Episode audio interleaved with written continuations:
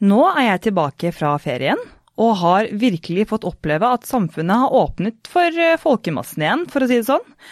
Og hvordan koronaåret og ettervirkningene skulle påvirke meg, både på godt og vondt, var faktisk relativt uventet, og kanskje noe flere har kjent på. Hvilket har fått meg til å måtte grave litt i verktøykassa mi, og også ført til noen interessante samtaler med personer med ganske ulike synspunkter når det gjelder følelser og opplevelsen av gjenåpningen. Og en jeg alltid snakker åpent med, og som jeg vet har mye positivt å tilføre i denne sammenhengen, er jeg så heldig å ha med meg i studio for andre gang i dag. Og det er min gode venn, gründer og trebarnsmamma Anne Marte Sneve. Hun er kanskje det sprekeste og mest energiske mennesket jeg vet om, og har så mye inspirerende og flotte tanker og erfaringer å dele når det kommer til vår mentale, men også vår fysiske velvære. Derfor ønsker vi å finne frem noen og dele de verktøyene som har vært verdifulle og viktige i vår hverdag, som for øvrig også er nokså ulik fra hverandre. Og koronaens ettervirkninger er nok mange, og er en personlig vurdering og opplevelse fra en person til en annen. Og derfor vekker dette noen spørsmål, som om vi faktisk har blitt bedre kjent med oss selv, og hvorfor vi reagerer som vi gjør i ulike settinger og har vi egentlig brukt nok tid på å tenke over hva som er viktig for oss under disse påkjenningene og usikre omstendighetene det siste året? Velkommen til Fysisk for psykisk.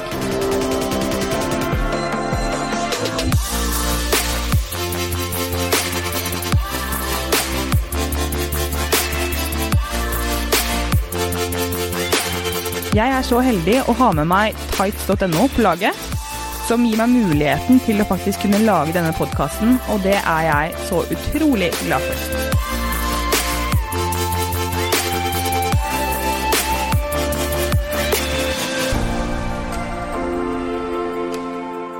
Anne Marte. Hallo. Det er så fint å ha deg på besøk i stolen igjen. Og så igjen! Jeg er så heldig å få være her for andre gang. En ære. ja, du er, jo, du er jo en veldig god venninne av meg, da. Og så har du jo eh, nå så var det jo en kjempefin inngang når vi begge Du har vel Nå er du nettopp ferdig med type ferie, mm. kan du kalle det det? Mm. At du har vært i Reise hjem fra hytta i dag. Ja. Vært der i seks uker. Ja. Og jeg har jo hatt litt ferie, og jeg har vært på besøk eh, i Svelvik også. Mm. Hos dere på hytta. Så det er det var, Jeg følte at det var ja, kan jo bare introdusere deg da, i forhold til det. Du var jo med i episode jeg lurer på det er, Du var kjempetidlig, du var jo en av de første som var med. Mm.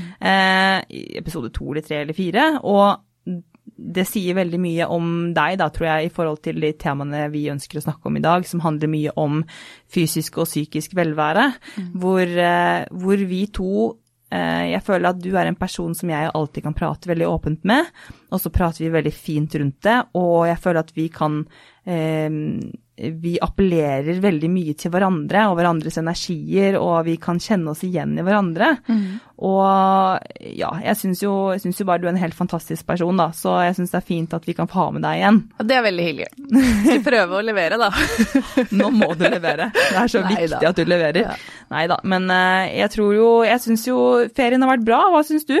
Ferien har vært veldig bra. Ja. Det har vært uh, Vi har jo hatt uh, altså, hekt, altså, tre barn, da er det jo hektisk, men det har vært veldig fint. Veldig nær ferie. Uh, hytteferie. Ikke noe reiser, ikke noe utland, ingenting. Det har vært fint, det òg. Mm. og så er det litt deilig nå med lang ferie at jeg egentlig gleder meg litt til hverdagen. Ja. Og da er det tegn på at, at, man har på en måte fått hvilt, da. Ja. Mm. Ja, det er jo kjempebra. Altså den Jeg tror Altså, jeg klarte jo Jeg har jo snakket med eh, Andreas i en episode som er eh, før det eh, så siste episode, om at jeg skulle prøve å ta ferie. Prøve å koble av. Og jeg føler at jeg har jo hatt en, eh, en bra ferie. Altså, jeg har jo hatt mer fri enn jeg har hatt på mange år.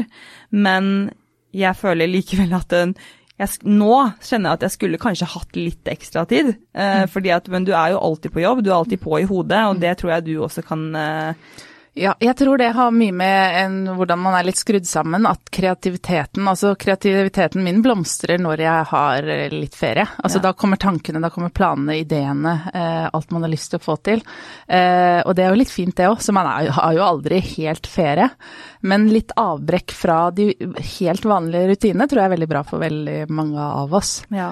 Mm. Det er eh, det å ha avbrekk eh, hvor jeg bare ikke trente noen dager, og eh, han drakk en del, drakk en del og, Men det, det Jeg syns det, det, var deilig. Men ferie, det, det, tror jeg vi alle trenger, så det kan vi egentlig skrive noe på, at det er viktig mm. for, eh, for uh, mye av det vi skal snakke om i dag, som mm. er liksom uh, sikkert et av de punktene vi burde gå inn på når det kommer til eh, vel, altså vår egen mentale helse spesielt, og mm. selvfølgelig den fysiske helsen også.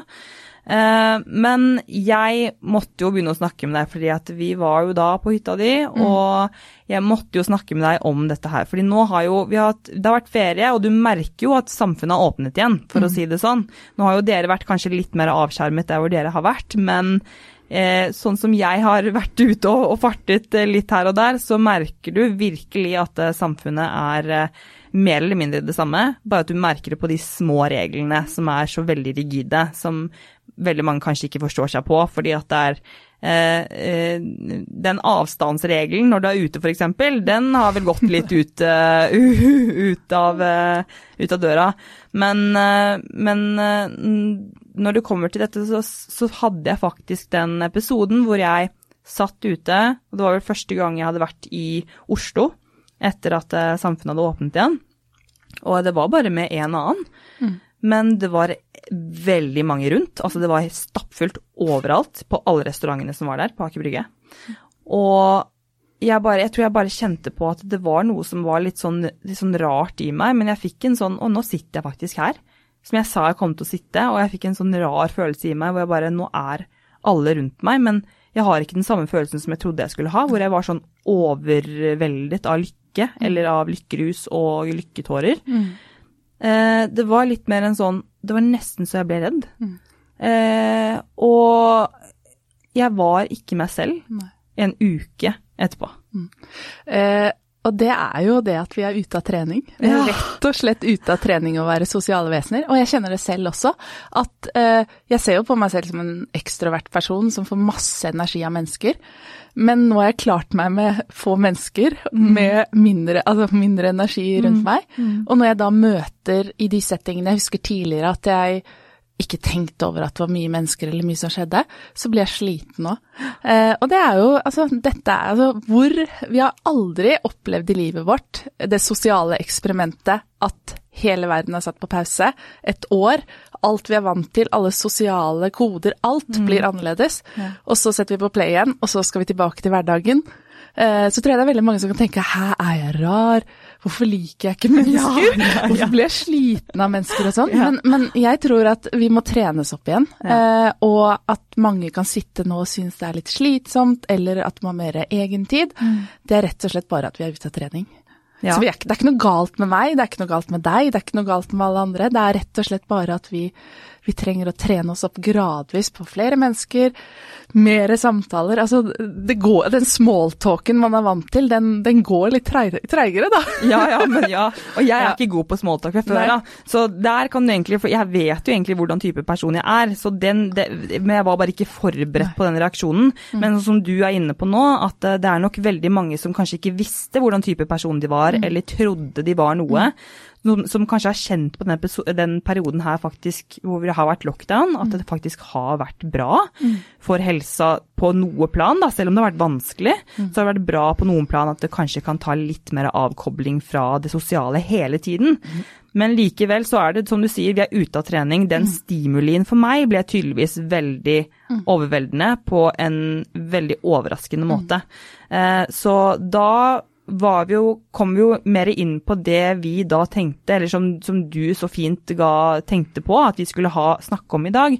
Og det er den, de tingene som jeg gjør uten å tenke så mye over det, men da f.eks. etter denne perioden her, da hvor Eller den eh, episoden hvor jeg kjente at herregud, hva skjer, liksom? Helt panikkangst og bare dagen etterpå, og var ikke meg selv. Eh, hva kan vi gjøre for vår fysiske og spesielt mentale helse, eh, og for velværen vår, da. Mm. Fordi at eh, du var jo også inne på dette med at vi er så forskjellige, mm. og det gjelder jo også på hva som funker for oss. Mm. Så om vi kan klare å snakke litt rundt dette, rundt en sånn verktøykasse som vi ønsker å kalle det, eh, hvor vi prøver å og kanskje snakke om våre erfaringer, for vi har ganske ulike kanskje erfaringer, vil jeg tro, da, mm. med våre historier og våre bakgrunner og våre livsstiller. og du har jo en full familie og er trebarnsmor og hele pakka, ikke sant. Og jeg har, er singel og bor alene, men eh, vi har nok begge to veldig mye erfaring mm. eh, med å finne ulike metoder og teknikker som funker for oss. Mm. Eh, hva tenker du rundt sånne Gjør du det av eh, Er det noe du tenker over at du bruker i hverdagen? Uh, ja, ja, eller Ja i hvert fall tidligere, nå er jo jeg 38 år, ikke sant, så jeg kan jo si at jeg har noen år allerede på baken med et liv der jeg har kjent mange ganger etter situasjoner at hvorfor føler jeg meg sånn nå? Uh, hvorfor, liksom, det kan gå begge veier. Bare å, nå fikk jeg masse energi. Eller andre ganger så kan det være hvorfor føler jeg meg litt sånn kjip nå? Hvorfor er jeg litt sånn triste stemninger? Og så har jeg ikke alltid klart å plassere hva er det som har skjedd som har gjort at jeg har det sånn. Så jeg har liksom mista litt eh, kontrollen over ja. mine reaksjoner. Ja. Og det har jeg nok blitt mer bevisst på. Også sånn som du sier, at la oss i dag ha denne verktøykassa. Fordi eh, vi kommer ikke nå med noe fasit på dette må du gjøre for selvfølelsen, selvtillit, liksom, mestring og livet ditt. Men vi har noen ting som har funket for oss. Eh, og kanskje man får flere tanker, folk som hører på kan komme med ideer senere. Men så kan vi lage en verktøykasse, da. Og så ja. kan folk teste ut litt. Ok, hammeren funker ikke for alle i denne verktøykassa, men for, kanskje for noen. Mm. Og så mm. kan noen bruke sagen. ikke sant? Ja, ja. Det, bare, det, bildet er veldig fint, da. Eh, og der har jeg nok på en måte blitt flinkere og det første, bare for å gå inn i den verktøykassen, er jo å være bevisst på energier og hvordan ulike mennesker påvirker deg. Mm. Uh, og vi er forskjellige. Det er, altså, det er, utrolig mye forskjellige mennesker her i verden. Uh, vi er forskjellige på hvor mye energi vi, altså, sånn, vi, får av andre mennesker, eller hvor mye energi vi får av å være i vår indre verden. Eh, vi har forskjellig hvordan vi på en måte organiserer livet vårt. Noen liker mer å ha en tydelig tidsplan, faste rammer. Andre liker friheten, mm. spontaniteten, muligheten til å velge. Noen av oss er veldig på en måte på tanken når vi skal ta et valg, så er vi veldig liksom, litt som en eh, dommer. For og imot. Hva er fakta her? Jeg går rett i magen. Hvordan føler jeg? Er dette en god beslutning? Det sitter i magen min, mm. eh, inn på verdiene mine. Så, og så er vi også liksom hvordan vi strukturere strukturerer tankene våre. Eh, jeg er veldig intuitiv. Jeg kan ha ti ideer i hodet samtidig uten at det stresser meg. Men eksempel min mann, da. Han kan ikke ha ti tanker i hodet. Fordi han begynner å tenke hva, hva må vi gjøre for å få alle disse ti tankene realisert? Ja. Og da begynner det å bli kaos for han. Men jeg kan ha liksom ti ulike rom i hodet der jeg har ideer uten at det stresser meg. Eh, og det er jo altså, bare eksempler på hvor mye forskjellige områder vi er da, mennesker. Mm. Og så skal alle disse menneskene da omgås hverandre. Eh, da er det jo klart at i situasjoner der jeg med mine ideer, tanker, energi og følelser møter en person som er mer faktaorientert, får, eh, blir litt sliten av mye energi, ikke så mange tanker samtidig, liker litt mer sånn rasjonelt, følelser, blir litt stressa. Da er det jo klart at vi er på forskjellige nivåer. Og da vil jeg gi den personen kanskje en annen eh, på en måte sitte igjen med en følelse enn jeg gjør. Mm. Og være bevisst på det at det er helt greit. Eh, det tror jeg er veldig fint. At ok, jeg, eh, jeg, er sånn. Men den personen skal ikke fortelle meg at det er feil. Men jeg, kan, skal heller ikke fortelle at den, det den gjør er feil. Men at vi bare aksepterer forskjeller, tror jeg er det første å være bevisst på kanskje de menneskene som vi sitter igjen med oh, energi. Vær ja, mer ja. sammen med de. Ja, men det er, kjempe, det er kjempebra. Og det er, veldig, eh, det er veldig fint, fordi at du er jo selv bare et bilde i hvordan du prater, hvordan du engasjerer deg når du snakker nå. Jeg fikk beskjed om ikke vekte så mye med armen her, og her sitter jeg som en sånn nei, men nei, nei, nei, Muppet-show.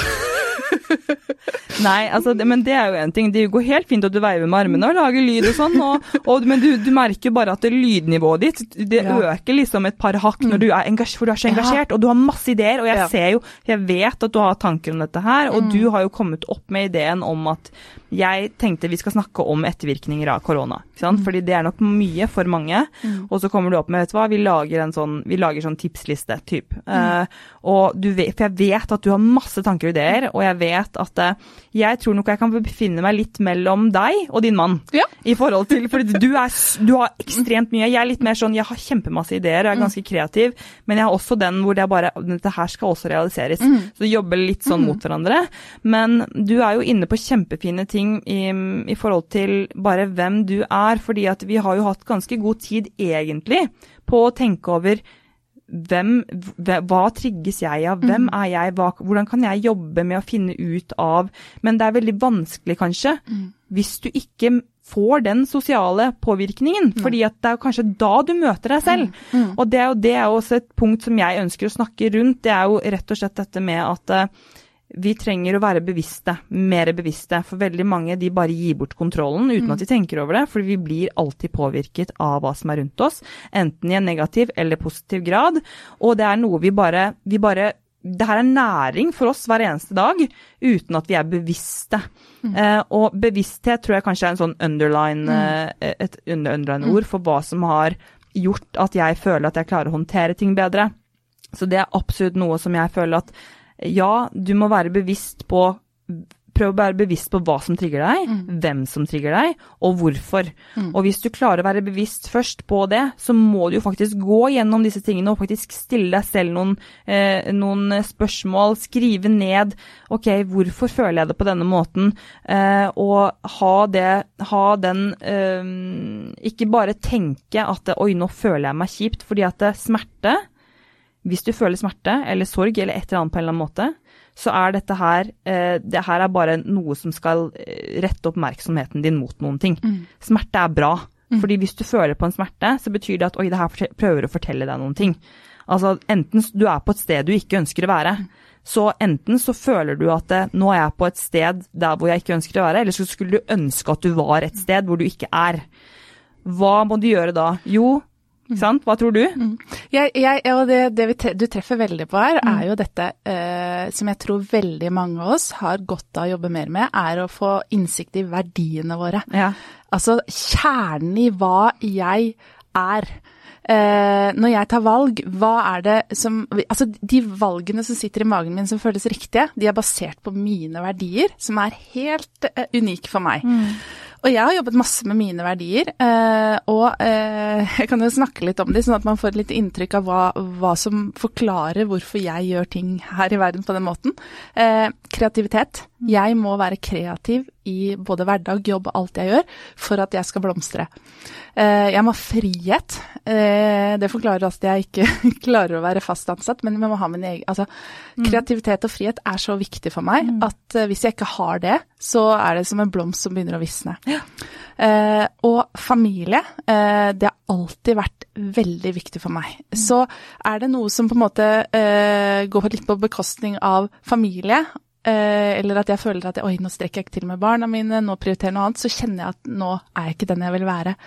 Ikke at det skal på en måte være uh, altoppslukende, at jeg ikke skal ha min egen frihet og kreativitet, men de tre tingene er veldig viktige for meg. Du kjenner at du får vondt, ikke sant? Ja. Mm. Det er et eller annet som, er, som ja. gjør at du får vondt i ja. magen, eller som trigger deg, og det er en smerte mm. på en, et eller annet mm. nivå. Og jeg tror at det at vi, vi skal ikke, sånn som jeg følte jo at jeg hadde på en måte følte smerte etter den episoden hvor jeg var ute. Og det, det betyr ikke nødvendigvis at jeg skal, skal, skygge unna den situasjonen lenger, men må finne, vi må prøve å være litt flinkere til å ikke bare Og det her er en følelse. Det her er sånn jeg har det nå, da får jeg bare ha det sånn, og bare la det være. Mm. Ja, jeg, jeg helt Jeg syns at vi skal sitte inne med at har du det vondt iblant, så mm. skal du føle på den følelsen. Mm. Du skal ikke fortrenge det.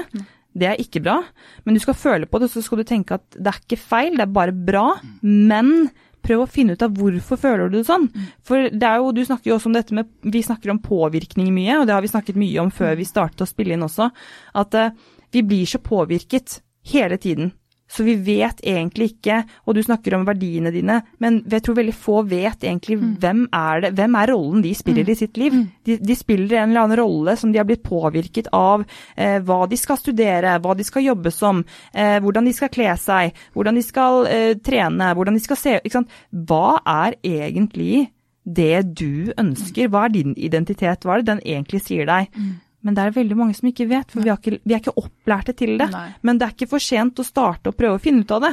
Og det er jo det kanskje vi skal prøve å lage liksom, denne verktøykassa mm. for. da? Mm. At vi skal prøve å finne metoder og teknikker hvor jeg f.eks. har begynt å, å, lage en mental dagbok. Hvor jeg tar en daily check-in. Hvor jeg begynner å sette meg ned. Jeg skriver ned OK, eh, hvilken følelse sitter jeg med nå? Og i hvert fall hvis jeg føler på en følelse som er veldig sterk, så prøver jeg å ha med notatboken og skrive den ned med en gang. Eh, men litt sånn check-in på litt, litt, sånn Hvordan føler jeg meg nå? Eh, hva er det som gjorde at jeg følte meg bra i den, mm. det tilfellet? Hva er det som gjør at jeg følte meg dårlig i det tilfellet? Og hva er det jeg ønsker da å slutte med, eller hva er det jeg ønsker å fortsette med? Hvis man begynner å, å snakke med seg selv på den måten, så begynner man plutselig å bli kjent med seg selv. Mm.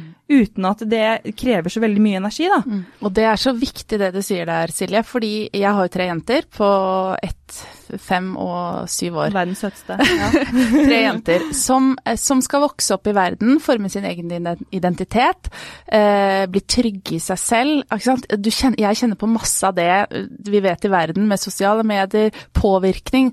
Disse såre, søte jentene mine skal ut i verden og bli såra, eh, ha dårlige dager. Mm. Og det du sier der er så viktig, for vi har en tendens til at gode følelser og, og den tingen, det er greit å ha. Men med en gang det kommer en følelse som er litt på den andre delen av mm.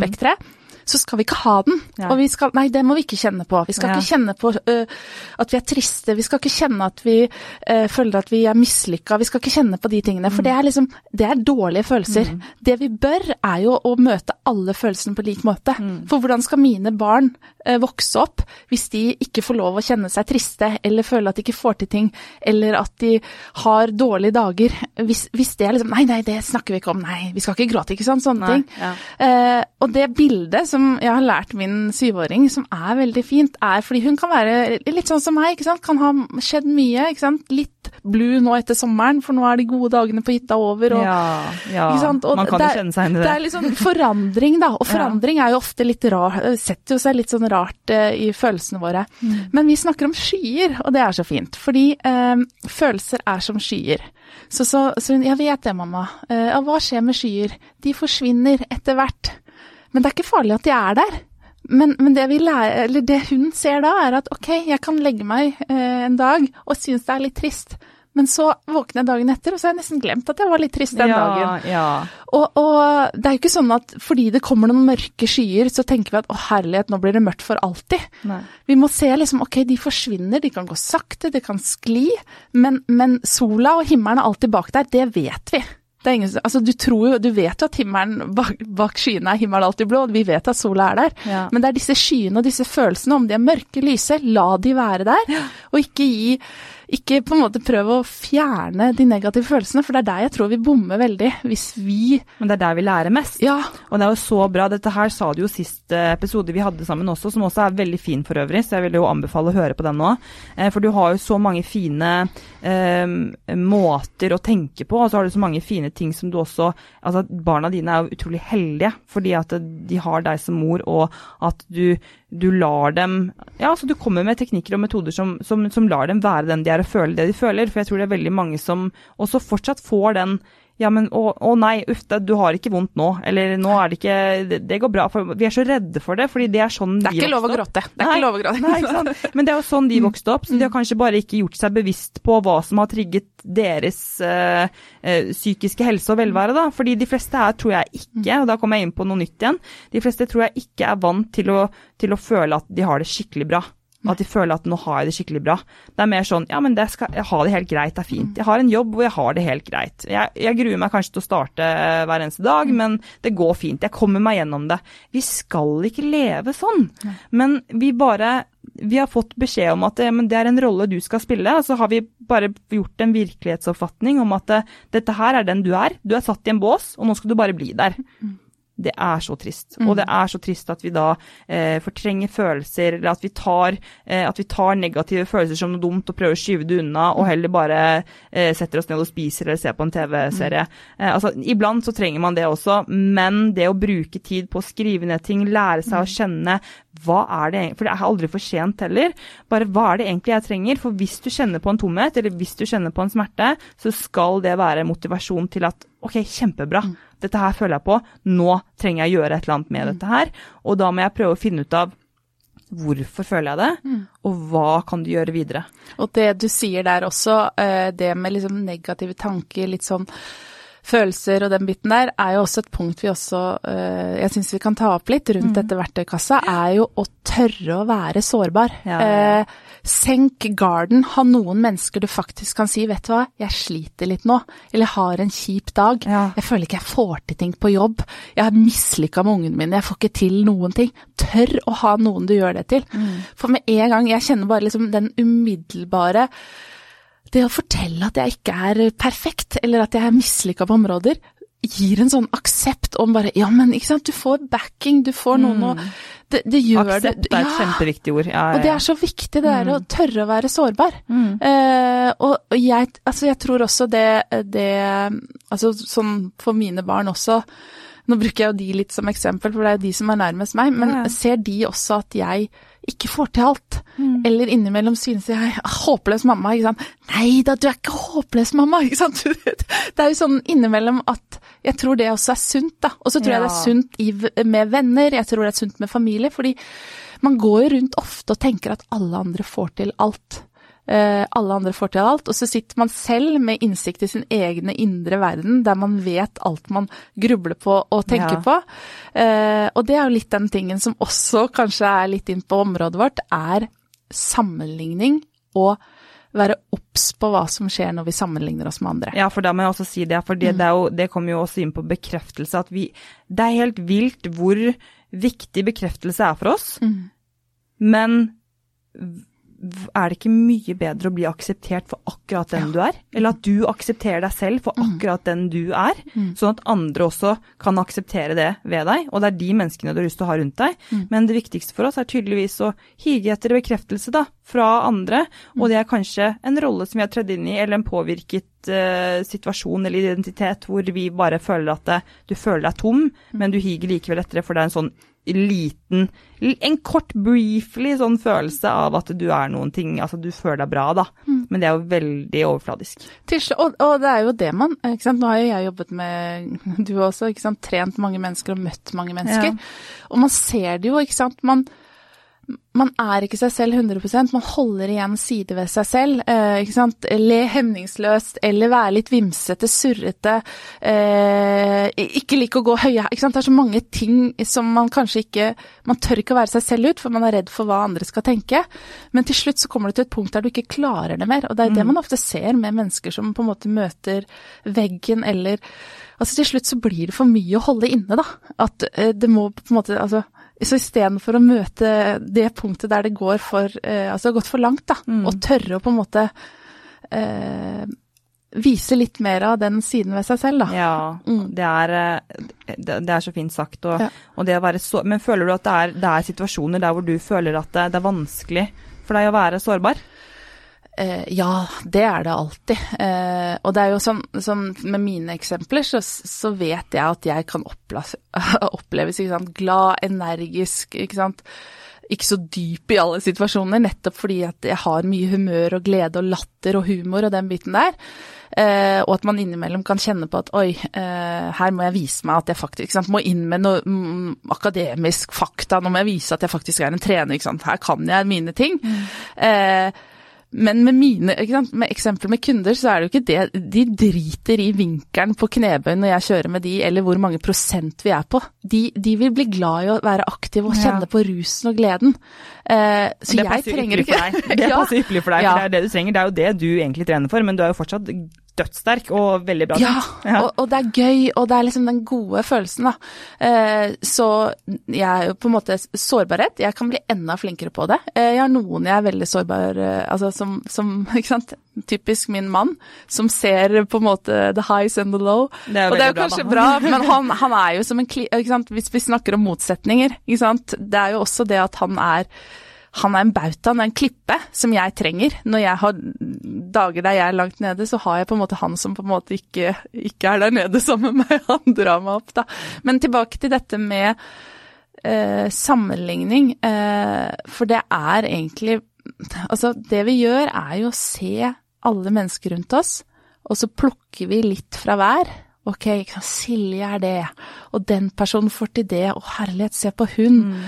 og den. Og så plutselig har vi tatt litt fra hver, satt sammen i en superwoman som bare er helt uslåelig, og så er det den personen vi sammenligner oss med. Ja, Det er idealet, liksom. Ja. Og, og, og, så ber du om en større oppskrift for å mislykkes enn det, så får du det ikke. Og I tillegg så vil du ikke mislykkes, du hører ikke å mislykkes, som egentlig er en ganske bra ting. Ja. Så, så, alt dette her blir jo bare sånn sammensurium ja. av en oppskrift på at du ikke kommer til å ha det bra noen gang, da. Nei. Og det er jo det, ikke sant, bare være bevisst hva hjernen vår gjør. Den mm. setter disse sammen til denne personen som vi aldri vil slå. Eh, så når du da ser liksom i sosiale medier, scroller på Instagram, så får du jo alle disse menneskene du kanskje setter sammen etter hverandre. Og det kan også være en fin ting i en verktøykasse. Og tilbake til det vi snakker om energi. Eh, begynn å luke ut litt. Hvis du kjenner at 'oi, dette her gir meg ikke energi', her sitter jeg helt tiden og kjenner på at ah, 'nå føler jeg meg dårligere', du trenger ikke å følge alle. Du trenger ikke å like alle. Eh, velg ut det som på en måte fòrer deg, da. Ja, ja. Det, det å få den, uh, den feeden og prøve, som du sier, å luke ut litt sånn det, de weedsa som er der, det tror jeg er veldig lurt. Fordi det har jeg sagt flere ganger før også, at føler du at du får noen negativ påvirkning fra meg via sosiale medier, så betyr ikke det at det er noe at jeg må endre meg på, på noe plan. Sånn, sånn hvis, jeg, hvis, jeg, ser at noen Eller hvis noen sier at de har unnfølt meg, hva som helst. Men gjør det fordi at det er kjempebra for deg. For jeg vil ikke at du skal bli, få en negativ påvirkning av meg, jeg vil at det skal være positivt. Så det å finne ut av det det var litt hosting, ja. ja Hvis man lurer på hva slags lyd det var. Prøvde å være diskré. Ja, men, eh, men, eh, Og det er eh, Jeg tror at det er så viktig å, å bare For da kommer vi inn på det som vi også snakket om litt tidligere, det å bli likt, og det å bli likt av alle. Du kan ikke bli likt av alle, og alle kan ikke like deg. Og det stammer jo også litt fra det at vi hele tiden retter fokuset utover. Mm. Og, og, tenker over ok, hvordan blir jeg, blir jeg, bekreftet nå, liker denne personen meg, mm. og at vi er som people pleasers, da. Mm. Eh, og, og istedenfor å tenke på Men hvis man snur på det, liker jeg egentlig denne personen? Mm. Er dette en person som egentlig gir meg noen ting positivt? Er dette her en person som gir meg energi? Eh, du følger jo, jeg følger jo ikke en person på Instagram fordi at jeg tenker at dette her eh, gjør jeg for, for, at den personen skal like meg. Jeg Nei. gjør det jo fordi at jeg tenker at dette her er en person jeg kan lære noe av. Mm. Det her er en person som gir meg mye motivasjon. Det her er en person som eh, sprer glede. Altså, fordi det er en person som gir meg noen ting. Mm. Eh, og jeg liker mange mennesker, men jeg vet også at jeg ikke liker alle. Mm.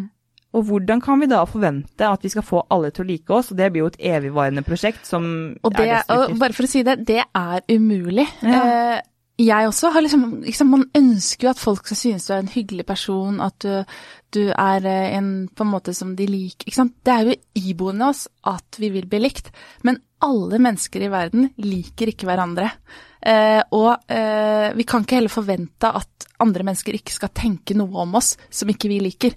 Altså, vi har ikke makt over det, rett og slett. Så hvis vi skal bruke all energien vår på å tenke og tro og håpe at folk skal like oss, mm. like oss så tror jeg vi blir, altså, vi blir helt utslitt.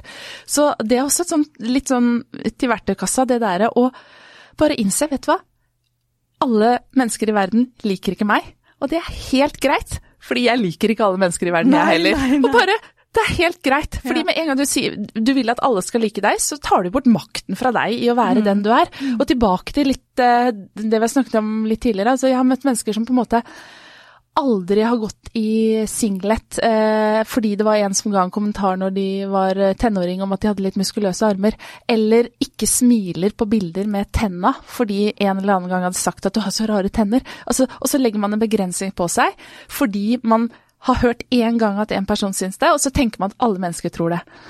Eh, og det er så, det er, jeg blir så lei meg når man hører sånne situasjoner, at man legger lokk på seg selv, begrensninger på seg selv, fordi noen en eller annen gang har kommentert noe. Hvilken rett har den personen til å si noe til deg som gjør at du skal endre din uh, på en måte, måte å være på? Ja. Eh, og det er også sånn mange av oss ikke sant, gjør ting fordi vi har hørt en gang eh, at man ikke sant, 'Å, Marte, du er så vimsete, og det er så mye energi, og du smiler og ler så mye.' Skal jeg endre meg fordi én eller to personer har ment det? Da får heller Nei. de finne noen andre å gå rundt som ikke er så smilete og vimsete og ja, jeg synes, energiske. Jeg syns vi er for lite ja. vi, er for, vi, er for, fargeløse da, i vårt mm. samfunn. Vi er for lite, vi har for mye sånn Janteloven sitter fortsatt veldig brent i oss, tror jeg. Uh, og jeg skulle jo ønske det at Jeg syns det er så synd, for det er så mange det er så mange egenskaper som ikke får tredd frem. Det er så mange som har mulighet til å lykkes skikkelig i livet. Og lykkes, da mener det her er ikke penger. Det er snakk om å ha det bra, da, å ha suksess i livet sitt på den måten som de kan bringe frem. Men vi får Eh, på, eh, på, et eller annet plan, og derfor tror jeg det er veldig viktig at vi tar det opp spesielt nå. Eh, ref liksom innledningsvis som vi snakker om eh, når det kommer til ettervirkningene av korona. Nå begynner, nå begynner, samfunnet å åpne igjen, og nå, nå, er det kanskje noen som lenge har kjent på den følelsen av at, som kanskje også har som meg, har hatt sosial angst fra før av. Eller eh, eh, ja, som, som, bare kjenner at det, at det, er tungt og vanskelig fordi at nå vet du at du har lyst til å sosialisere deg, men hvordan skal du gjøre det? Og hvordan skal du klare å gjøre det ved å være deg selv mm. eh, og ha det bra i situasjoner mm. hvor du faktisk gjør det. Eh, fordi, fordi, du ønsker jo at andre skal like deg mm. pga. at du har vært så lenge alene. Hvis du kan se for deg den, ja. Eh, det scenarioet, da. At vi har vært alene i ett år, sånn som jeg som har vært singel og enslig i ett år og vært mye alene. Eh, at du, jeg også kan, Det er jo sikkert derfor det også trigger meg veldig mye. fordi at eh, ja, jeg er veldig sosial av meg. Eh, jeg kan godt være rundt mennesker, men, men jeg, har ikke, jeg har også den sosiale angsten som trigger meg fordi at uh, jeg jeg føler Det var et punkt før hvor jeg følte at jeg måtte bidra med noen ting hele tiden for at jeg skulle bli likt. Fordi at det var sånn jeg kunne komme meg inn i gjengen min igjen på, fordi at jeg hadde mistet alle en periode hvor jeg mm. var spiseforstyrret. Mm. Uh, og dette her har jo jeg måttet da skrive ned og finne ut av, ikke sant, og prøve å finne ut av hva er det som trigger meg i sånne situasjoner, og hvorfor har jeg dette? Hvorfor mm. er dette en, en um, ting jeg må håndtere bedre? Men det er så fint at vi, at vi nå kan gi disse metodene og teknikkene fordi at det, jeg skjønner det hvis du sitter der hjemme og føler at det er veldig vanskelig nå, det vi sier, da, at vi sier at det, vi kan prøve å gjøre disse, gjøre disse metodene, skrive ned disse tingene, prøve å tenke på den måten at man Ja, men det er litt det er ganske, det er, Noen ganger så er det vanskelig å gjøre det, og det skjønner jeg. Det er, ikke, det er ikke bare å knipse med fingrene. Det her har vært en lang prosess for meg også, sånn jeg holder fortsatt på. Eh, men, men, det å kunne dele litt tankene rundt hva vi, hva vi ønsker, og i hvert fall startfasen i det, er jo rett og slett om å spørre seg selv da, om du aksepterer den du er, og vet du egentlig om den personen er en person som, som du ønsker å være, og da kjenner kanskje på disse eh, følelsene som vi også har snakket om, om de negative følelsene, om de positive følelsene. Hva gir deg energi, hva er det som ikke gir deg energi? Eh, og hvilke mennesker er det du For det er ikke alle mennesker vi liker. Så hvorfor skal du da være i Kanskje du forholder deg til en gjeng eller et menneske fordi at du vet at den personen er veldig populær eller er veldig eh, bra i, altså i gåsetegn for, for, noe spesielt, men det er egentlig en person som ikke er bra for deg mentalt, da. Mm. Og der tror jeg at eh, Det har vi også snakket litt om, fordi du også er jo ganske sensitiv på mennesker. Mm. Men du er jo også en, du er en så vanvittig vanvittig energi Altså, jeg vet ikke om noen som har mer energi og som er mer engasjerende og inspirerende enn det du er. Jeg syns jo det, helt oppriktig talt. Og eh, for, for hvis noen syns det er for mye, så er det kanskje ja, men fine. Altså, jeg, tror, jeg vet jo om supermange som bare digger deg fordi den du er. Eh, og, men du, jeg merker jo når du har det bra. Mm. Jeg vet at du har det bra. Jeg ser når du er engasjert, jeg ser når du er kreativ. Nå vil jeg gjøre det, nå vil jeg gjøre det. ikke sant? Og, og det er jo så fint, og jeg vil at det, det er jo mitt mål, egentlig, med eh, Føler nesten i livet, det er jo å, og prøve å få flere til å, til å, være seg selv, og til å være den personen de er, og få det til å blomstre, sånn at flere personer kan være som deg, og at flere personer kan, eh, eh kan gå en annen retning enn den de trodde var riktig. For noen så kan det være at de er f.eks. i showbusiness eller i søkelyset, men de ønsker egentlig å være mer rolig person og en som bare trekker seg mer tilbake. Altså, det er jo to forskjellige sider av samme sak. Mm. Bare, men at flere da prøver å tenke over hvorfor havnet jeg der jeg er nå, og hvordan kan de endre det for å, for å få et bedre liv fremover, da. Fordi at det er aldri for sent. Nei, og så har jeg veldig tro på det der med at når, når du er mer deg selv òg, så tiltrekker du deg enda mer de menneskene som ja.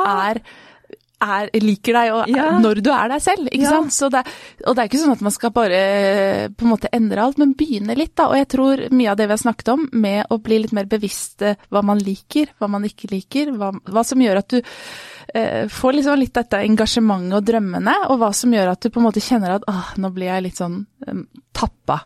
Samtidig som du på en måte blir litt bevisst på ja, det, dette verdisystemet vårt, samtidig som du får det fokuset på eh, å være, ikke fokus, men å være bevisst på at du kan tåle og tørre å være litt mer sårbar. Eh, så tror jeg vi har kommet langt. Og jeg syns det er eh, Jeg tror jeg snakka om det sist gang i podkasten òg, men jeg syns det er så fint bilde at mange kan kjenne at oi, hvis det er på en måte mørkt og trist, og du har mye av de negative følelsene, så er det liksom hvor skal man begynne? Ikke sant? Eh, og se for deg da liksom dette mørke rommet du kanskje står i, da. Eh, det første du kan gjøre, er egentlig bare å åpne døra litt på gløtt. Mm. Det vil si å åpne opp, fortelle til noen at vet du hva, jeg har det ikke så bra. Mm det som skjer da, det er ikke et stort steg ut at du nå liksom får på deg Supermann-kappa og skal nei, ut i verden nei. og endre alt. For det blir en rolle igjen, ikke ja. sant. Det blir jo feil. Men det som skjer er at det endrer lyset, endrer seg inni dette rommet bare ved at du åpner opp og forteller litt. Mm. Og du begynner å se ting annerledes, og du kan også få litt hjelp. Eh, og det er der jeg tror vi må bli flinkere til å være sårbare tørre å fortelle litt mer hvordan vi har det. Eh, ikke nødvendigvis for at vi skal be at folk skal hjelpe oss med en gang, at det er liksom det som de Men det er rett og slett bare for å endre litt. Mm. Altså ikke alt skal være inne. Du ventilerer litt, da. Slipper litt ut. Ja, det er, mm. det er så viktig å, å, å, vite at eh, ok, har du ikke en venn som du føler du kan ventilere til, om du ikke har et familiemedlem du ikke føler du kan gjøre det til, det finnes telefoner ja. du kan gjøre det til, det, føler, det, altså det, det er uh, bare det å ventilere til kanskje noen som du, uh, som du ikke kjenner engang, mm. som du kan ta kontakt med via Instagram, for der er det kjempemange fine profiler som er veldig åpne rundt uh, psykisk helse.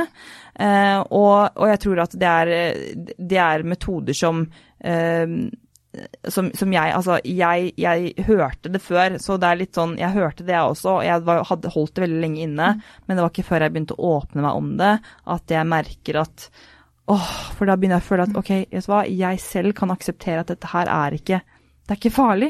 Det er normalt. Slipper, og du slipper å bære alt du på dine skuldre alt, selv. Du kan puste. Og gå med en tung, tung sekk dag mm. ut, dag inn, som ingen andre ser, men mm. du går og bærer på.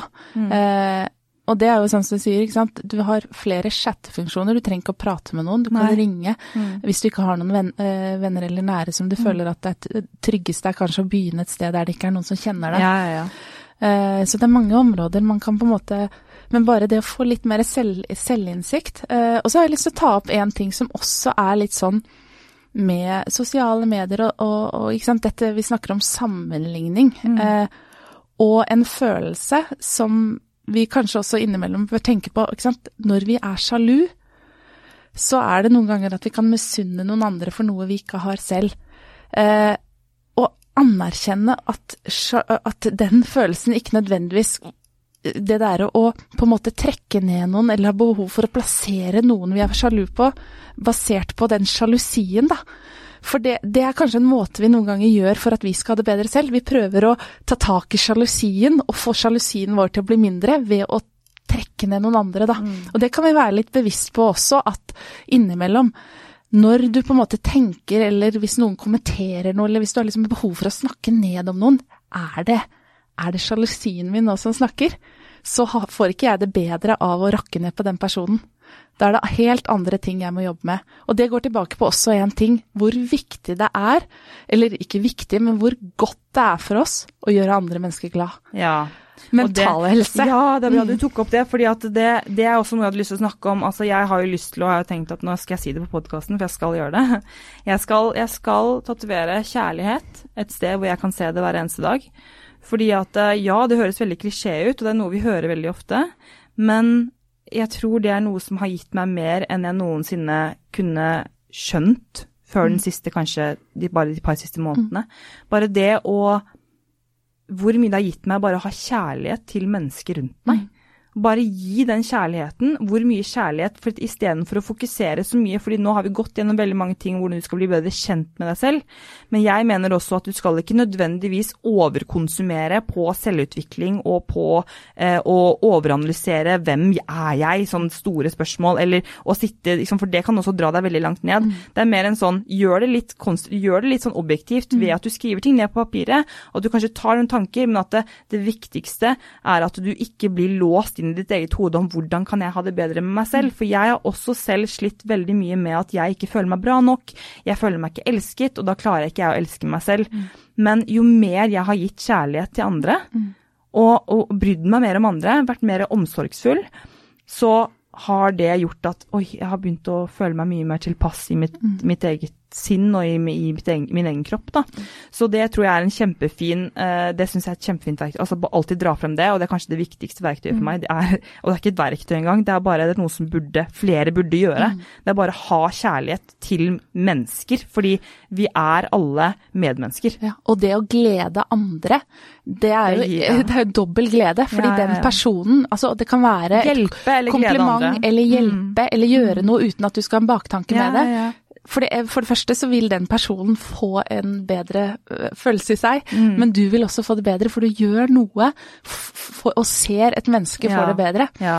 At det er ikke bare sånn sitte og vente på at noen skal hjelpe ja. meg, men heller bare ok, men hvis du sitter med den tanken, det mener jeg. Mm. Hvis man sitter med den tanken at jeg skulle ønske noen så meg, jeg skulle ønske noen hjalp meg, uh, og jeg ønsker å hjelpe så mange som mulig, og jeg elsker å se så mange som mulig, og jeg elsker å og, og, kunne vise gleden min og kjærligheten min for så mange som mulig. Men så er det noen som sitter og ikke føler på det. Mm. Gi, den, jeg kan gi den utfordringen denne uken, egentlig. At bare prøv å hjelpe andre, eller vis omsorg eller kjærlighet, eller på en eller annen liten måte. Glede andre med noe. Mm. Uten å ha noe baktanke. Og se hva det gir deg, hvis du sitter og føler at du ikke får det.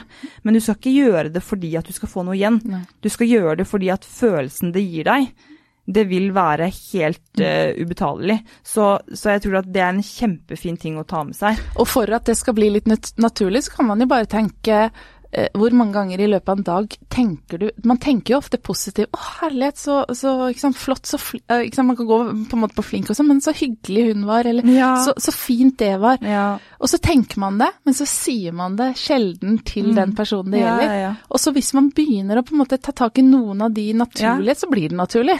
Det er bare herlighet. Det var hun for en fantastisk hår du har. Ikke sant? Ja, Bare, ja. Hæ, ikke sant? Dette virvaret her. ikke sant? Og hvis det er mennesker vi ser opp til, da, som, mm. du, som, du, også har vært veldig mye inne på, det med sammenligning og sånn. Hvis vi har, og det, det, kan jo være veldig destruktivt, men det kan også være superpositivt. At hvis du har en person hvor du tenker at å, de egenskapene der, eller den personligheten, altså, det er så fantastisk. Og så istedenfor å ha den sjalusien mm. da, som du også har vært inne på, så er det mer den Fy fader, så, så, rått det der er, eller så kul du er, eller så mm. utrolig sprudlende og mm. energifull du er. Og det er, det er, det er Jeg digger det, liksom. Altså, mm. bare si Hvis man sier noen ting høyt, da, bare fordi at Oi, hvorfor skal det skade deg på noen som helst måte? Nei, men jeg tror det er litt tilbake. ikke sant? Det er litt sånn den derre kakediagrammet. ikke sant? Ja, ja. At man tror at hvis noen andre får litt flere kaker, så er det færre igjen til oss. Ja, ikke sant? Er det noen andre trenere som får det til å lykkes og er fremadstående, så er det liksom er mindre til meg. Det er jo ikke det. Altså, det er ikke en kake. Nei. Ofte så er det sånn hvis andre lykkes mer Hvis det er flere eksempel da, hvis det er flere kvinnelige trenere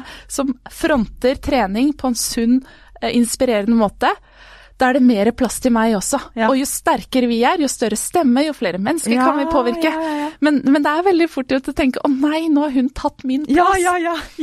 Nå er det bare det lille kakestykket her. Vi må passe på at ikke det kakestykket hennes blir større. Selv om det er mest sannsynlig ved å gi henne større plass, da ville, ville det blitt uh, eh, på en måte gått begge veier, da. Ja. Nei, det er, bra, det er, skikkelig bra sagt. Det er et veldig fint, altså en veldig fin eh, metafor eller måte å se på det på. fordi at det tegner jo et bilde av at Jeg tror veldig mange kan kjenne seg igjen når de hører dette her. Jeg kunne kjenne meg igjen for ikke så lenge siden der, jeg også. At det var litt sånn ja, det er jo så mange som, eh, som har podkast, og så skal jeg komme inn og drive på med mm. helse. Altså men, men det, det er nok til alle, og det er bare bra at det er flere innenfor samme kategori, og vi har nok av penger i verden, hvis det skulle vært et issue du tenker over.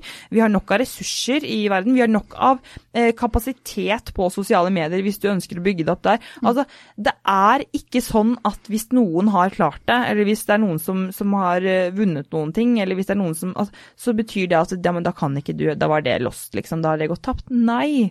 Det alle skal ha mulighet Alle har mulighet til å være suksessrike i den mm. veien de ønsker å gå. Mm. Men da må vi bare vi, vi prøve å bli flinkere til å, å ikke, ikke, som du sier, legge den begrensningen på oss selv ved at, at vi også da sitter igjen tydeligvis med sjalusi, da, fordi mm. at du tenker at faen, nå Du tenker jo at det, Da har du ikke lyst til å gi den personen så mye cred, fordi mm. at da tenker du at de har tatt noe fra deg. Mm. Nei, de har ikke tatt noe fra deg. De har bare gjort det som du egentlig har, skulle gjort. De har økt sin søyle her i verden. Ja. Du skal ikke stå og hamre den søyla Nei. ned for at de skal komme på ditt nivå. Du skal heller vokse selv. Ja.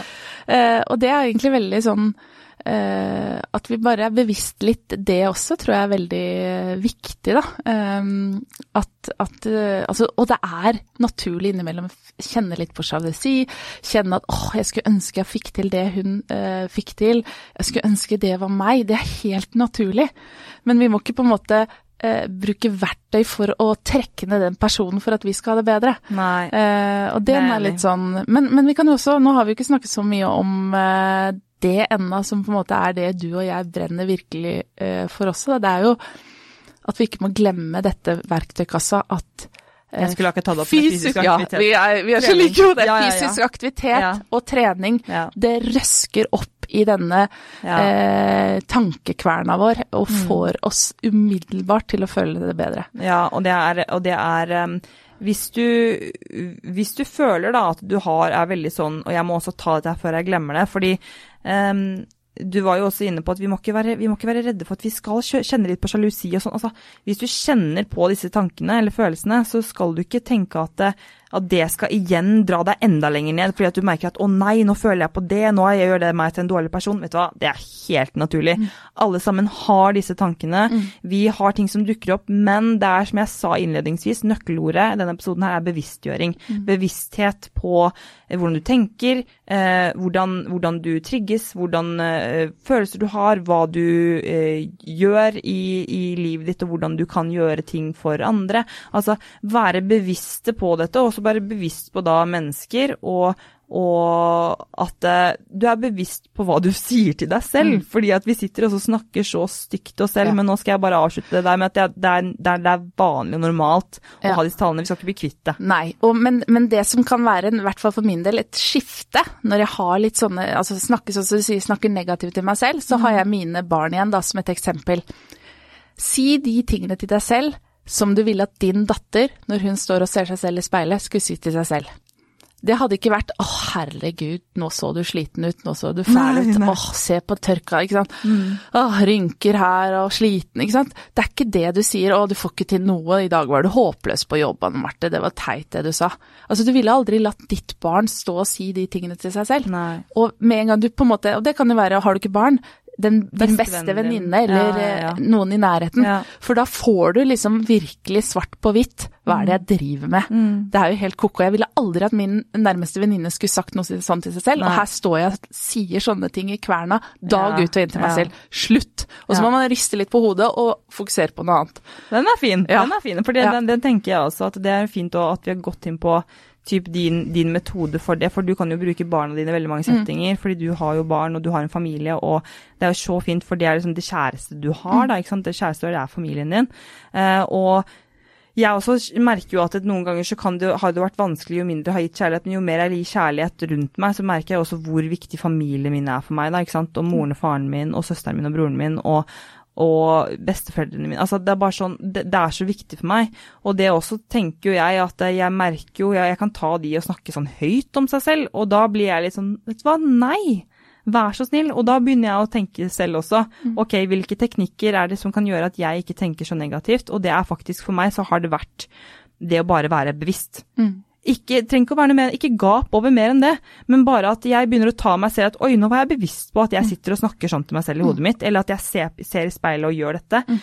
Jo mer du er bevisst på det, bare se hva som skjer. Mm. Jeg utfordrer deg. Se hva som skjer hvis du bare blir bevisst på det uten å tenke noen ting mer over det. Hva er det du kan gjøre da? Jo, da kan du begynne å tenke over er dette her noe som det er verdt å gjøre. Mm. Fordi hva er det egentlig som er viktig for meg? Er det hvordan jeg ser ut? Er det kroppen min? Er det hvor mye fettprosent jeg har? Er det eh, hvor flott jeg ser ut i ansiktet? Hvem er det som skal fortelle deg mm. hva som er fint og ikke? Hvem er det som skal fortelle deg hva som er en suksessfull jobb og ikke? Det, det, og det vil aldri stå på gravstøtten den dagen jeg er borte. Nei. Her hviler Anne Marte. Hun klarte å oppnå det og det i livet. Hun, hun uh, hadde en uh, muskuløs kropp og langt uh, pystrete ja, blått hår. Ja. Altså, hun, tjente så og så mye penger. hun, hun, hun, fikk de så det, det, er ikke det som Det er nei. ikke det vi blir huska for, da. men vi gir det altfor mye energi. Vi gjør, vi gjør, det. Og jeg tror det er helt sinnssykt å tenke over hvis du først tenker over det. fordi at hvis du blir bevisst på det, da, da har jeg merket at ok, det her, det her, skjer for mye.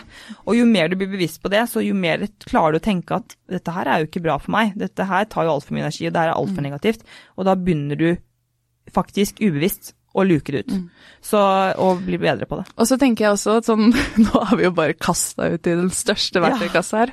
Men forhåpentligvis så finner man kanskje noe som kan funke. Ja. Men jeg tenker også et uh, ordtak som har uh, eh, festa seg litt med meg, som kommer fra Michelle Obama, er When they go low, we go high. Og innimellom møter man på douchebags, man møter på mennesker som en Der er du god. Der er som, du god, jeg tror jo, men, du skal si. Ja, som kan ha, ha, en dårlig dag, og så påvirker deg. Det kan være situasjoner der du på en måte i trafikken eller liksom situasjoner der du bare kjenner bruser, og du mm. bruker så mye energi, og du blir så forbanna. Lar deg bli påvirket. Da. Lar deg bli mm. påvirka. Mm.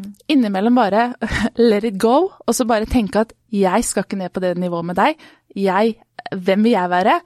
We go high. Ja. Og bare la det være. For jeg tror på karma i sånne situasjoner, og jeg tror de som, som gjør sånne ting, om du så blir tråkka på eller eh, blir utnytta eller eh, baksnakka, eller i noen situasjoner eh, folk er kyniske, så tror jeg du, du, får igjen ved å ikke gå på det nivået, men å heve deg eh, i det lengre løp, da. Og det er en ja, god ja. følelse å tenke ok, jeg går ikke dit. Ja. Og det er jo provoserende også for noen. Provoserende for noen, det får bare være. Men jeg tenker jo også, nå kommer jeg jo litt inn på eh, sånn, nå har vi jo snakket kjempelenge, og jeg, men jeg vil bare nevne, eller kjempelenge, at vi har snakket bra. Mm. Eh, og som du sier, vi har kastet ut ting, og vi har ikke lagd noen sånne konkrete punkter, men det er jo det vi ønsker, fordi at du er jo så flott å prate med, og vi får alltid en veldig fin flyt. For vi, vi lar det gå, og vi har jo opplevd mye. Vi har våre erfaringer, og vi har vi har våre sensitiviteter, kan vi kalle det, som er veldig eh, Som gjør at vi kanskje tenker over mer enn veldig mange andre ville tenkt over. Eh, og derfor så har vi jo brukt mye tid på å finne ut av hvordan, hvordan vi kan bruke metoder. Og en metode for meg har jo absolutt vært gjennom tidene har vært fysisk aktivitet eller trening. Fordi at det ja, de gjør veldig mye mot kroppen, sånn prosessene, kjemiske prosesser i hjernen osv. Så, videre, så det er jo vitenskapelig bevist. Men bare den følelsen det gir deg, og at det klarer faktisk den ene gangen. Hvordan, hvordan, det, hvordan føles det for deg når du trener? Eh, jeg tror vi går inn på noe som også er viktig for meg, og som på en måte i den verktøykassa, det eh, som er en viktig del av egentlig hele livet mitt, er å oppleve mestring. Og, og, trening som arena er en arena der jeg hele tiden strekker meg i å utvikle meg og mm. mestre nye ting, mm. som gir meg en liten boost på at mm. jeg jeg står ikke på stedet hvil, jeg er i en utvikling. Eh, og det tror jeg er veldig mange som innenfor dette med selvfølelse og verktøykassa, at å begynne, hvis man ikke er fysisk aktiv, å begynne å følge litt mer på hva som skjer når du er litt mer fysisk aktiv, så vil du merke at du beveger deg på en skala fra noe til noe annet. Ja, ja, ja. Som ut, utrolig god følelse å utvikle seg, få til nye ting, mestre nye ting. Som er veldig viktig, da. Og jeg tror det er den og den er ustoppelig, da. Du kan alltid mestre noe nytt, du kan alltid lære en ny ferdighet, få til noe på en annen måte. Og det er veldig Ja, og, det, og det, det, er faktisk utrolig givende, fordi det er, um, det er som du sier, mestring. og Det skulle jeg også gå inn på. Selvfølgelig så har du det perspektivet ved at uh, for meg så er det en avkobling som jeg ikke finner noen andre steder. Så det er en slags avkobling hvor jeg bare Det er et veldig viktig verktøy for meg, som jeg også har lyst til å prate om. Det er én av grenene innenfor avkobling. Men så er det også eh, det perspektivet med mestring, og hvor du har en innenfor mestring, så er det ja, fysisk aktivitet er utrolig viktig for både det fysiske og det psykiske. Mm. Men det er også det med selvutvikling som skjer gjennom treningen, og det treng, altså jeg ønsker at flere skal oppleve det. Mm. Og det, det, her er det samme perspektivet med at hvis du føler at du er litt på stedet hvil, eller føler deg stuck, altså begynn å lære deg noe nytt hver dag, mm. eller prøv å finne en eller annen ny kunnskap, eller Og det er derfor treningen er så fin, fordi mm. hver gang du dukker opp der, så plutselig så føler du at du kanskje har lært noe nytt om deg selv, eller at du føler at du jobber mot noen ting, eller at du mm. føler at det er eh, Det blir den mestringen som jeg tror at flere eh, har, har, bare befunnet seg på en plass veldig lenge nå mm. uten å tilegne seg ny kunnskap, da. Mm. Og ny, eller ny, ny opplevelse eller ferdigheter, eller OK, prøv å lære deg noe nytt. Prøv å ta et eller annet, prøv å lese noe nytt. Prøv å lese et utsnitt av en bok eh, en dag for å lære deg noen ting nytt. Kryssord, strikking, ja, ikke sant? Ikke sant? Ja, ikke sant? Det er veldig mange, mye, mange arenaer man kan på en måte utvikle seg. Ja, så mange mm. arenaer du kan utvikle deg på. Og jeg vet ikke, men jeg vet ikke hvordan du er, for vi var jo inne på dette her i stad med at uh, du snakket om at uh, du sitter i en bil og blir sur på den andre mm. personen, mm. ikke sant. Og da kommer jeg til å tenke på uh, teknikken jeg bruker, er at jeg vil, jeg vil gjerne ta opp det. Det, er, det er pusting. Mm. Og det er at eh, jeg jobber så mye med kunder som har så mye problemer med nakken og hodet og sover dårlig. Og jeg, jeg tenker, det er jo ikke rart, for det er ingen som puster med magen. Så hvis, hvis, du føler deg redd for et eller annet, hvis du føler at du er bekymra for et eller annet, hvis du føler at du er stressa, hvis du føler at du skal prestere på noe, altså bare hva enn det måtte være, Enten om du gjør det før du skal disse tingene, eller om du gjør det som en rutine på kvelden eller på morgenen. Sett av tid til pusting. Hvis du setter av i hvert fall 30 sekunder hvor du bare skal Ikke sant? At du mm. virkelig roer ned. Altså, den følelsen det kan gi veldig mange. Jeg merket at folk har begynt å gråte hvis jeg gir den, eh, den eh, oppgaven til noen, fordi at de merker at oi, nå begynner du plutselig å kjenne på at dette her er sånn jeg kjenner meg. Mm. Men du er hele tiden i sånn fight or flight-mode, ikke sant. Mm. At du ikke klarer å virkelig bare få kontakt med deg selv. Altså, jeg tror det er veldig viktig. Har du noen sånne, sånne avkoblingsmetoder som du gjør i hverdagen? Nei, men det, det du sier med pust, det er så, så viktig. Eh, og det er jo mye forskning på dette, ikke sant. Med en gang du begynner å puste litt roligere, så skjer det jo fysiologiske endringer i kroppen.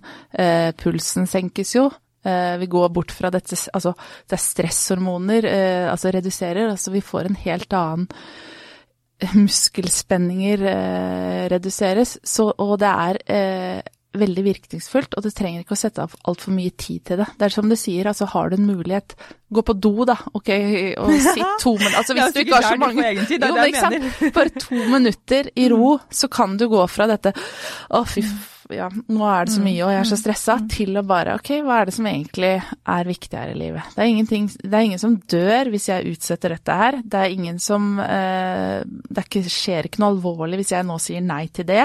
Altså bare senke og få litt mer, for det det også gir, jo, gir jo litt mer innsikt, da, sånn som du sier i denne bevisstgjøringen. at Puster man roligere, så får man også litt tid til at tankene altså blir litt tydeligere, da. Det er en grunn til at meditering funker ja. så bra for så mange, meditasjon. Mm. Og jeg tror det er veldig interessant, da, fordi at det er for det jeg tror folk kanskje kan høre på, fordi at de kan, tror ikke de kan sette seg helt inn i hvordan din hverdag er. Eh, fordi at du har jeg har vært der, og der, der, skjer det mye hele tiden. Så, og du er jo, som jeg sa, jeg er jo kanskje litt mer mellom deg og din mann. Eh, du er der oppe, og det merker jeg. Fordi at du kan sitte, og ting skjer rundt deg, og du kan sitte og ha en kjempebra samtale imens du fikser hva som skjer med din yngste, som sitter og gjør det de skal og spiser, imens den andre de, Du har bare latt dem begynne å leke der, så du har kontroll, for du vet at de styrer seg der. Altså, det er bare sånn, og jeg sitter der bare OK, men jeg har lært meg, og det måtte jeg si til noen som var der også, som ikke var kjent med det, at jeg, nå har jeg blitt kjent med det, så nå vet jeg hvordan det er. Mm. Så jeg er bare veldig trygg på dere, og hvordan dere holder på, og hvordan dere håndterer det. Men Altså, det er jo virkelig et show fra morgen til kveld hvor det bare er ongoing 100% 110 hele men, tiden. Men uh, sånn skal sies da, Silje, så er det en dosering her også. Snakker, vi begynte jo med å snakke om koronaen, ikke sant. At vi gikk fra null til uh, og plutselig ja. 100 sosialisering. Ja. Jeg, ikke, jeg, fikk ikke kasta tre barn etter meg uh, fra en dag til en annen, og så er livet ditt nå tre barn fullt kjør hele dagen. Mm. Det begynte med én, og så begynte vi ok, hvordan får vi dette til å fungere? Og så ble det kasta to etter oss. Så nå er på en måte vi, vi, har uh, på en måte kalibrert oss på tre barn, da. Men det er jo som du sier, at det er jo hektiske dager. Uh, men trening er terapi for meg. Ja. Og vi, vi, har ikke snakket akkurat om den biten der, men det er jo altså Når jeg blir sliten i kroppen, så tar det bort litt av slitet i hodet. Ja, ja, det er akkurat som det trekkes ned. Ja. Ja, ja, ja. Og det er, det er, Altså, man sier man blir avhengig av trening, og det er jeg, rett og slett. Ja, ja, ja. Så når folk sier 'hvordan orker du å trene så mye som du gjør'? Hvordan orker hvordan, du ikke, tenker du? Ja. Jeg bare Jeg har ikke noe valg. Eh, skal jeg ha dette livet og den hverdagen, så er det det viktigste jeg kan gjøre for å Bufferen min, da, for å være sterk nok til det. Mm, for det er derfor jeg ville spørre deg spørsmålet. For jeg tenkte at hva er dine avkoblingsteknikker? Og jeg tror at ja, pust er jo én ting, men du, ikke, du, har ikke like mye tid til å bare nå skal, bare, nå skal, mamma bare sette seg ned her og puste i fem minutter. Fordi der, der, går det hele tiden. Men jeg vet at du har treningen din, og den prioriterer du mm. alltid. Og det er så bra. Mm. Fordi det som skjer når du trener, det vet jeg også, da er du i din sone. Mm. Eh, og det er jeg også. Eh, og hvis jeg klarer å finne den sonen og virkelig altså er det den beste terapien jeg kan få, og det er en form for avkobling. Så det å også finne sin personlige avkoblingsteknikk tror jeg er veldig viktig, sånn at mm. du faktisk klarer å samle tankene dine. Du klarer å få beina dine litt tilbake på jorda hvis du føler at det skjer veldig mye, eller hvis du føler at du ikke vet helt hvor du har lyst til å være, og at du føler at du er på et sted du ikke ønsker å være. Men alle de tingene vi har snakket om i denne mm. episoden her også, at eh, bare prøv å finne avkoblingsteknikker, og vær flink til å gjøre det ofte. Og jeg merker det etter ferie, at jeg har begynt å finne flere avkoblingsmetoder. som jeg må, altså Måter jeg bare må Eller ikke avkoblingsmetoder, men med flere bedre rutiner må jeg begynne å finne meg. I forhold til at jeg finner noe hver eneste dag, eller om det blir at jeg tar en litt langhelg eh, oftere, eh, bare for å få den avkoblingen, for det er da det skjer. Og det var jo det som ga meg insentivet til å faktisk ta ferie og si at du, jeg, må, jeg må faktisk ta fri fra coaching. Jeg tar ikke fri fra online-coaching og alt, for jeg hadde ikke full ferie, men jeg må ha fri fra timeplanen min. Og jeg måtte ta fri fra podkasten, jeg måtte ta fri fordi at jeg kjente at eh, nå klarer ikke jeg å gi den energien og omsorgen jeg, kan, jeg pleier å gi til andre. Og da klarer jeg i hvert fall ikke gi den til meg selv. Nei, så nå må mm. jeg nå må jeg avkoble. Nei, og du kan ikke på en måte helle til noen andre fra en tom kopp. Sånn Nei. er det bare. Nei. Du må fylle, og det er det viktigste. Du må mm. fylle opp din. Fill up your cup, yes. Ja. Eh, og, og, bare for å ta den tingen som også går liksom, Det går jo på veldig fundamentale, men jeg tror mange av oss også må eh, tenke at søvn å sove er eh, Det er fort gjort at det blir nedprioritert i en hektisk hverdag, men får ikke, får ikke jeg nok tid med søvn, eh, så fungerer ingenting. Nei. Da har jeg ikke lyst til å trene, da har ikke lyst til å gjøre noen ting, mm. eh, blir lettere irritert. Altså, søvn ligger der eh, som et minimum som må være der. Eh, ja, for det kommer til å gå utover veldig mye av hverdagen din. Det går da, utover alt ja, annet. Blir, du blir, ja, sur, og ja. det er liksom det bare så, så, det er så viktig og, og, fundamentalt, som du sier. Så det å bare legge inn det Jeg tenker jeg skal ta en episode også med Andreas mm. at, om virkelig om søvn, da. Mm. Eh, om hvor mye det påvirker oss, og hvordan vi kan gjøre, mm. være flinkere der. Fordi det også er et, et, verktøy, kan man jo si, men altså det er en så viktig ting at eh, de rutinene som ofte du ser i dag, det gjør at du sitter oppe kjempelenge, og så står du opp og er dødstrøtt dagen etterpå bare fordi du skal se på en serie. Fortsetter det. Så fortsetter det. Så fortsetter det. Sant. Så, mm. så det er kjempe, kjempeviktig. Mm. Men jeg tror at eh, sånn, som, sånn, som, jeg ser det, da, så er det eh, Vi har en eh, Vi har måte, vi har et liv, og det igjen blir en sånn klisjégreie, men vi har et liv, vi må leve det. Mm. Og vi har våre måter å gjøre ting på, men det er ikke sikkert det funker for alle. Men man kan prøve ut, og det er det du skal ikke være redd for å prøve. Ne. Prøv nye ting, prøv andre ting. Se om det her kanskje kan være noe for deg, kanskje det ikke er noe for deg. Føler du på en følelse hvor du føler at dette her føles ikke riktig, ok, men da er det kanskje enten måter du tenker på, eller måter du kan gjøre ting annerledes på, eller ta en annen vei, uten at det er feil. Mm. Uh, og jeg tror at uh, ja, det er, så, det er så mange det er så mange retninger vi kan ta i livet, og som vi begrenser oss selv med, som du har sagt så fint også så mange ganger, hvor, hvor uh, vi prøver kanskje å tre inn i en rolle eller i en eller annen oppfattelse av hvem vi er, eller vi bare setter oss i den båsen. Og det er ikke sikkert det er noen andre som har gjort det heller, men vi bare har lag, laget oss den båsen selv. fordi at åh, men hvis noen finner ut at det her ikke funket for meg, så kommer det til å være liksom, Da kommer jeg til å være mislykka, da kommer de til å se på meg så, og se ned på meg. Altså det her er ting som er en virkelighetsoppfatning som vi danner oss selv. Det er helt vanvittig hvor mye verre ting vi gjør ting i hodet enn hva ting mm. faktisk er. Og, og, den, akkurat det der, eh, å si til deg selv noen ganger tror jeg dette, er det fakta? Nei, eller vet jeg dette, eller tror jeg det bare? Altså, For ofte så ta, er det en antakelse å ja, og så han er sånn mot meg, eller det var sånn. Mm. Og så, så, er det egentlig bare vår oppfattelse av den situasjonen. Vi sitter ikke i hodet på den andre personen og vet hva den mente eller sa, eller hvordan den gjorde det. Så det er liksom Vet jeg dette 100% fakta? Er det noen som har skrevet det med stein et sted? Eller er det egentlig en antakelse eller min versjon av en situasjon som har to sider? Det er også innimellom man kan være litt flinkere på. Det er så, det er så viktig, og det er, det er den der irrasjonelle, rasjonelle tankegangen. At det, vi, vi, gjerne oppfatter det bare som det som vi tenker. Det blir helt ekte, det. Mm. Så det, vi, vi, lager en virkelighet. Det er jo faktisk mm. virkelig for oss, men, men, da må du, som du sier, bare være litt sånn obs på OK. Er dette her egentlig virkelig, eller er det noe jeg bare tror? Er det fantasi? Og vi, vi er veldig flinke til å lage vår egen fantasi. Og hvis du tenker hvor mye kraft og energi du bruker på å skape en sånn fantasi som mest, mest, omhandler negative ting mm. om oss selv, og vi skaper et sånt bilde. Tenk hvor mye kraft, eller hvor mye eh, Ikke power, men hvor mye eh, driv det faktisk da ligger i fantasien vår mm. til å kunne klare å oppnå det vi faktisk ønsker å oppnå. Mm. Hvis vi bare bruker hodet vårt på riktig måte. Og jeg tror det må bli en sånn avsluttende, noen avsluttende ord, fordi vi to kan jo sitte vi, altså vi, Men du merker det, det ene baller på seg til det andre. Men det er bare kjempefint, for jeg er så takknemlig for deg, og jeg setter jo så stor pris på deg. Eh, og din familie også. ikke sant? Jeg føler jo at jeg er en sånn ekstra, ekstra familiemedlem hos dere. Eh, men jeg tror at um, med, med, koronaens år, og vi vet jo aldri hva som skjer etter sommerferien nå, det skal vi ikke tenke over ennå. Jeg tenker jo bare på at jeg ønsker å snakke mer rundt dette her, og rundt uh, at uh, nå kommer det nok til å oppstå en del flere ting. Både om det kan være sånn social hangover-episoder, hvor folk merker kanskje at det er noe som trigger seg mer enn, enn de trodde de visste, eller enn de visste om seg selv, da. Uh, eller om det er noe annet som har skjedd pga. koronaens påvirkning. altså hvordan det har gått med oss mentalt og fysisk. For vi har vært lockdown med treningssenteret, og har, det har mest sannsynlig påvirket oss veldig veldig, veldig mye mentalt på en eller annen, et eller annet plan.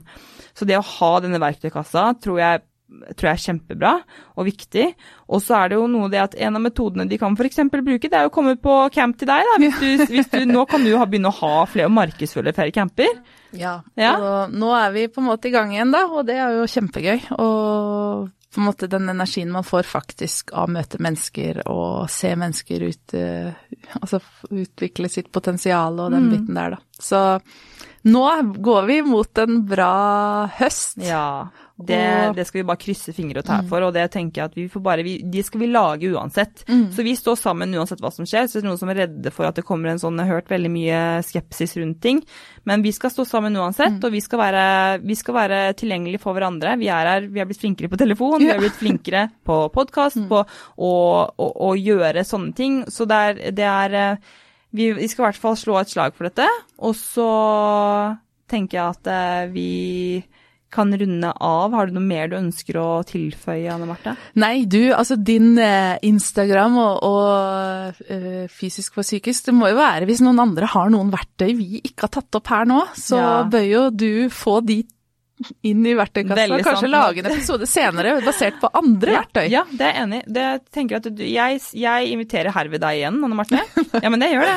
hvis du vil være med, da. For jeg er jo så glad for å ha med deg. Verktøykassa del to? Ja, ja. ja Lesernes bidrag. Nei, lytternes bidrag. Lytternes bidrag. At det blir en sånn slags spørsmåls, uh, spørsmålsrunde. Men at ikke spørsmålsrunde, men at vi får bidrag fra dere. fordi at jeg vil gjerne også høre flere, mer om andres uh, historier, om andres erfaringer og at uh, jeg setter så ekstremt stor pris på når dere deler med meg, og at uh, bare tilbakemeldingene jeg får og feedback på podkasten, det varmer så sinnssykt mye. Og det er jo grunnen til at jeg gidder, og, eller ikke gidder, men at jeg faktisk Det her er drivkraften min for det jeg gjør, og det er jo det samspillet mellom mennesker og relasjoner mellom mennesker. og at vi ønsker å få budskap ut der, da. Og det er du også kjempeflink til å være med på å formidle. Så da bare fastslår vi det med en gang, tenker jeg. Jeg bare bestemte det nå, Anne Marte. Ja, det er greit. Eh, men uh, uansett så takker jeg deg kjempemye for at, du, for at du alltid stiller opp for meg, og at du alltid er en god venn, og at du også nå forhåpentligvis kan inspirere og motivere flere mennesker som sitter hjemme. Så takk for det. Takk det samme til. Takk. Og så til deg der hjemme, husk å være snill med deg selv. Ha det bra.